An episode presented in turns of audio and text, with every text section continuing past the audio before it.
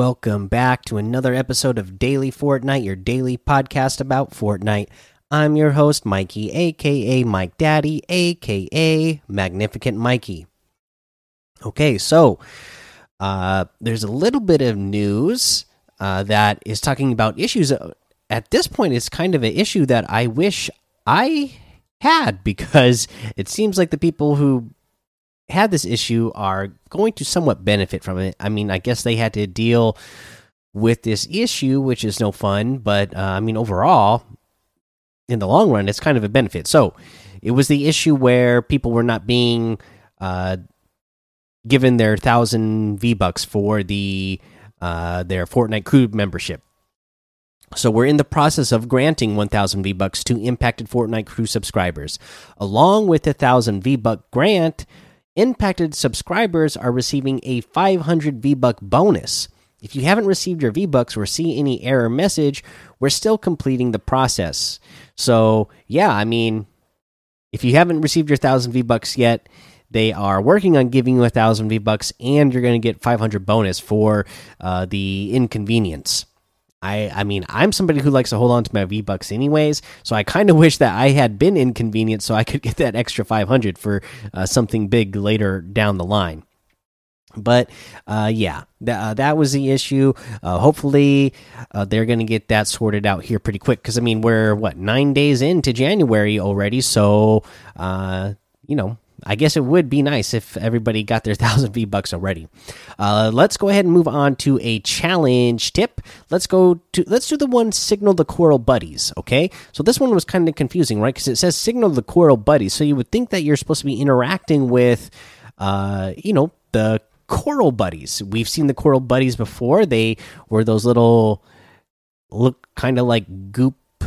Uh, characters, but you're not actually interacting with any of those. You're not actually interacting with any coral. You're actually looking for uh, these. Mm, they're kind of like uh, uh, clam shells, okay?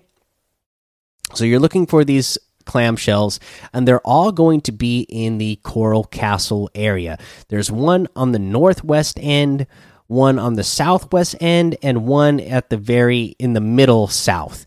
Okay, so that's the best way I can explain it to you. I can't uh, give you a pinpoint exactly where they are.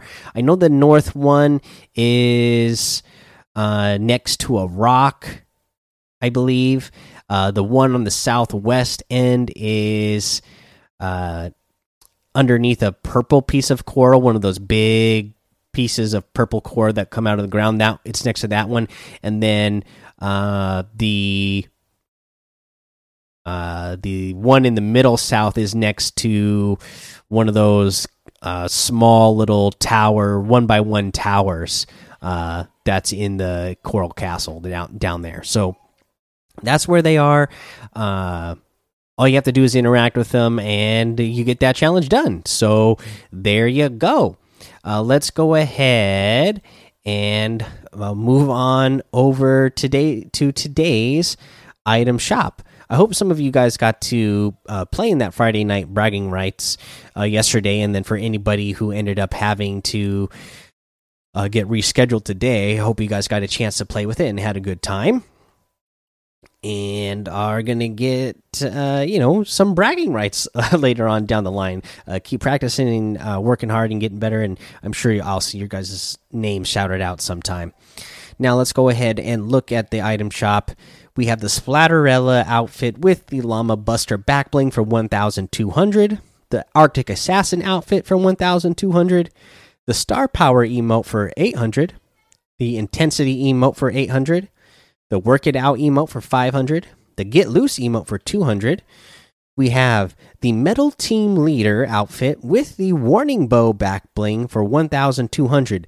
Now, this is the one that was featured in Save the World before, right? You had to to get this outfit, you had to buy one of the bundles for Save the World.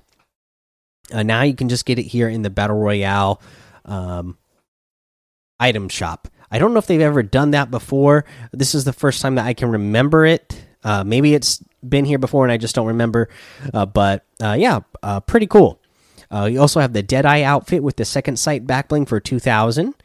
the Spectral Scythe harvesting tool for 800, the Dead Wave wrap for 500, the Jelly outfit with the Shelly backbling for 1200, the Scampy harvesting tool for 800, the Bunny Wolf outfit with the Heart Grid backbling for 1500, the Lion outfit with the Diamond Grid backbling for 1500, the Neonimal wrap for 500, and that looks like everything. So you can get any and all of these items using code Mike Daddy M M M I K E D A D D Y in the item shop, and some of the proceeds will go to help support the show.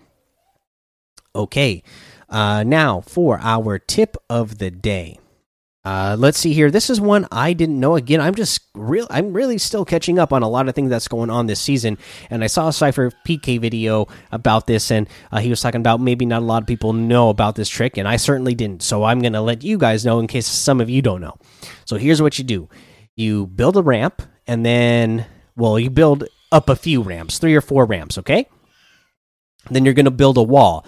Then place a bouncer on that wall, and then below the wall, so you're going to be standing on the ramp.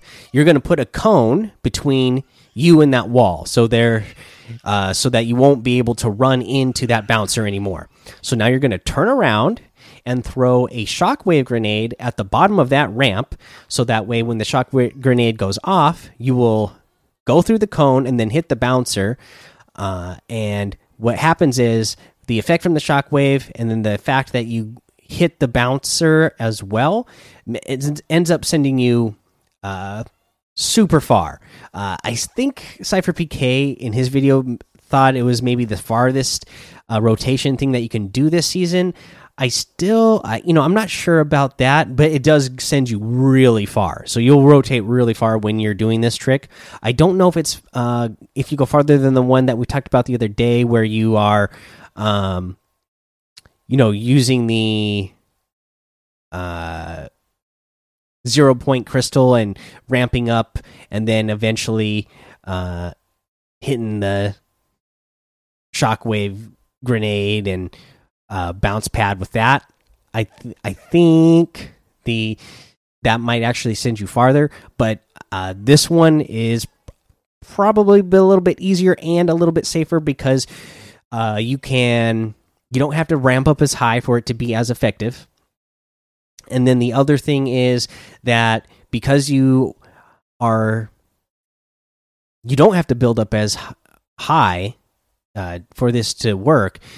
You can uh, you know if you end up finding yourself in a bad situation you can go ahead and build that wall at the top of your ramp real quick set that bouncer box up in there and then while you're in your box standing on your ramp you can shockwave grenade through there and hit the bouncer and still go far. So you'll uh, be protected while you do this as well.